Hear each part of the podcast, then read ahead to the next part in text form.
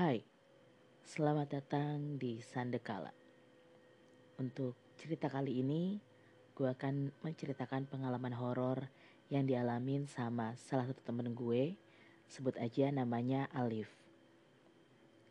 Dan pengalaman ini dia alamin di tempat kerjanya saat bulan Ramadan tahun 2020 kemarin. Kantor tempat Alif bekerja ini terletak di sebuah ruko dua lantai yang berada di pinggir jalan uh, besar ya. Kantor tempat Alif bekerja ini biasanya aktivitasnya itu cuma sampai sore hari. Jadi kalau sore ke malam sampai pagi itu kantor dikunci dan gak ada siapa-siapa. Tapi hari itu Alif memutuskan untuk nginep di kantor karena dia mau um, kerja sampingan dan nunggu temennya. Kebetulan kerja sampingan yang dilakuin sama Alif ini harus beraktivitas di dini hari di antara jam 2 atau jam 3 pagi. Dan dia pikir kalau dia harus pulang dulu ke rumah yang letaknya jauh dari kantor dan jauh dari keramaian akan memakan waktu banyak untuk dia ketemuan sama temennya dan melakukan kerja sampingannya itu. Jadi saat itu Alif memutuskan untuk nginep di kantor.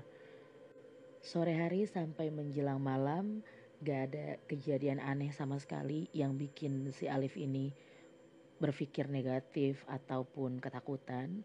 Benar-benar semuanya normal, aktivitas normal dan kendaraan di luar pun ramai jadi bikin dia ngerasa aman-aman aja.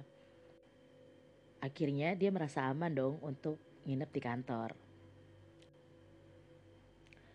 Alif memutuskan untuk tidur di lantai dua kantornya yang di mana itu adalah tempat kerjanya dia karena di bawah itu digunakan untuk parkir kendaraan pegawai-pegawai yang ada di kantor tempat Alif bekerja.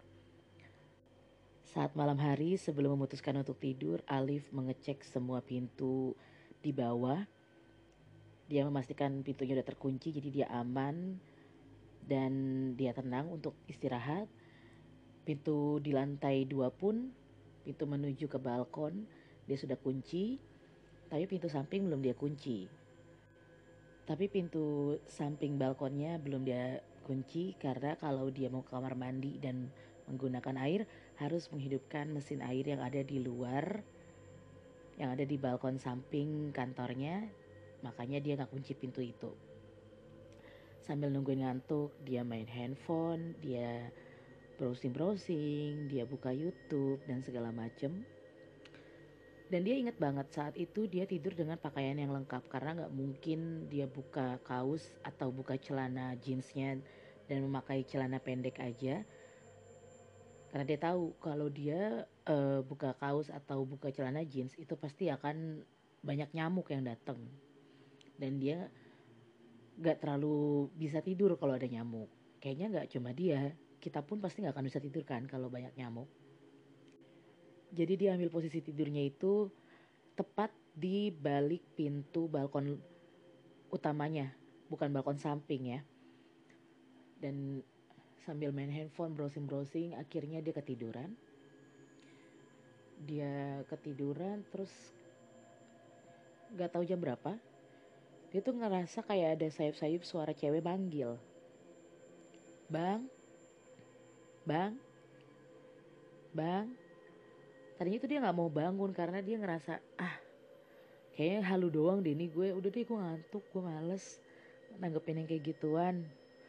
Ya maksudnya siapa juga yang mau datang malam-malam? Ya itu udah pasti di atas jam 10 ya. Siapa juga yang mau datang jam segitu dan manggil-manggil dia gitu loh. Dia pikir apa iya teteh warung? Kebetulan di samping kantornya dia tuh ada warung yang tempat biasa uh, dia ngopi.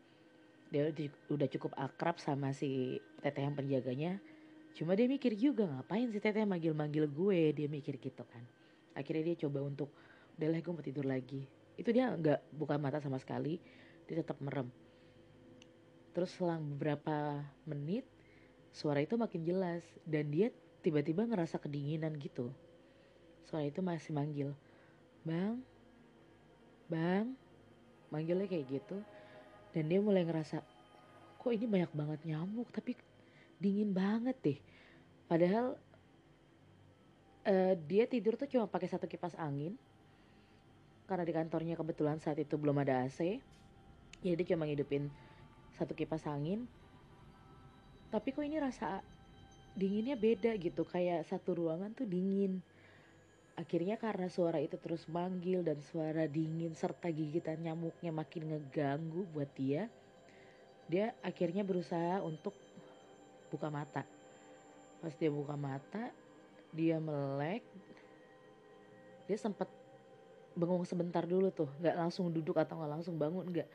Dia sempat bengong dulu karena yang dia lihat di mata dia itu tembok bukannya pintu atau bukan ruangan tempat dia biasa kerja tapi tembok.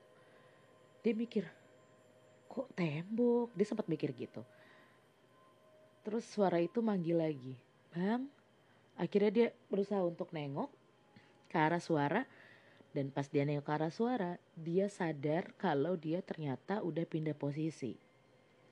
Dia udah bukan lagi di dalam ruang kantornya dia, udah bukan lagi di balik pintu balkon utama, tapi dia ada di balkon samping, tidur di balkon samping. Akhirnya dia bangun, pas dia bangun dia pun bingung masih kayak, kok gue bisa keluar gini, kok gue bisa tidur di balkon samping, tadi kan gue tidur di dalam. Dia ingat banget itu. Dan yang bikin dia shock lagi pas dia bangun dia nggak pakai baju dan dia nggak pakai celana jeans. Dia cuma pakai celana pendek. Dia cuma pakai celana pendek terus dia masih linglung. Ya namanya orang bangun tidur pasti linglung dong kayak ada apa sih nih? Kok gue tiba-tiba di luar dan gue telanjang? Telanjang dada maksudnya ya. Saat berdiri tuh dia masih linglung karena ya namanya orang bangun tidur pasti linglung kan ya nggak bisa langsung sadar. Dia tuh bingungnya kok gue bisa di luar dan kok gue bisa telanjang dada gitu. Terus pas dia lagi bingung gitu suara itu manggil lagi dari arah kirinya dia. Bang pas dia nengok ke arah kiri ada satu sosok kuntilanak yang terbang sambil ketawa cekikikan. Terbangnya ke arah berlawanan dan di situ dia baru sadar dia benar-benar langsung masuk lewat pintu balkon samping. Yang untungnya pintu balkon samping gak dia kunci. Saat dia di dalam, dia lihat pakaiannya udah ada di sofa tempat dia kerja, di ruangan di tempat dia kerja, terletak di situ dengan rapih.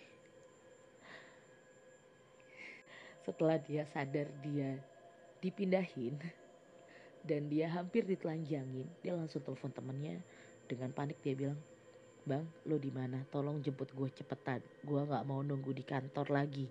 Cepetan lo datang sekarang. Terus temennya bilang, kenapa sih baru jam satu kita kan nanti mulai kerja tuh jam 3 Gak mau tahu gue bang, pokoknya jemput gue sekarang. Gue gak mau ada di kantor sekarang. Cepetan. Dengan ada yang gemeter dia nelfon temannya minta jemput. Setelah dia pakai baju, dia langsung lari ke bawah, dia kunci semua pintu, dia nunggu di luar di pinggir jalan. Dia nggak berani sama sekali untuk masuk lagi ke kantor. Dia nunggu temannya sekitar jam setengah tigaan temannya datang. Secara bersamaan si teteh warung nih keluar dia kan nunggunya di warung si teteh di pinggir jalan si teteh warung nanya abang ngapain tadi di atas telanjang malam-malam begini. Terus kata temen gue kata si Alif ini teteh lihat saya teh. Lihat? Teteh lihat saya lagi ngapain? Lagi berdiri mau masuk ke dalam. Terus si Alif nanya dong teteh lihat gak saya keluarnya? Nah, saya keluarnya gak lihat, kata si teteh gitu. Atau mungkin saya gak ngeh kali. Si tetehnya bilang gitu. Terus tanya lagi emang ngapain bang di luar? Banyak nyamuk digituin sama si teteh. Temen gue ini si Alif bilang teh saya aja nggak tahu kenapa saya bisa di luar. Saya itu tadi tidur di dalam. Terus abang ngigo kali. Kata si tetehnya gitu kan. Dan teman gue jawab sumpah teh seumur umur saya nggak pernah tidur ngigo jalan. Jangan kan jalan tidur saya tuh kalau udah miring pasti miring nggak akan ganti-ganti posisi.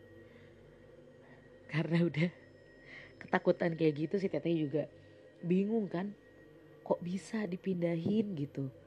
Akhirnya temen gue memutuskan udahlah yuk lupain aja. Udah yuk bang kita jalan.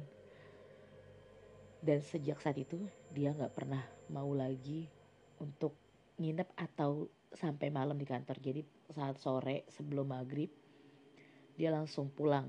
Kalaupun nggak pulang harus nunggu. Dia mendingan nunggu di luar di pinggir jalan daripada harus nunggu di kantor.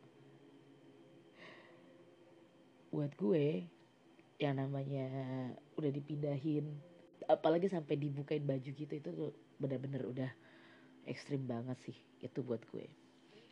Oke, semoga cerita kali ini menghibur kalian dan kalau kalian suka cerita-cerita misteri atau horor kayak gini, kalian bisa share ke teman-teman kalian dan juga kalian bisa follow gue di Spotify ataupun di Anchor. Terima kasih. See you next time.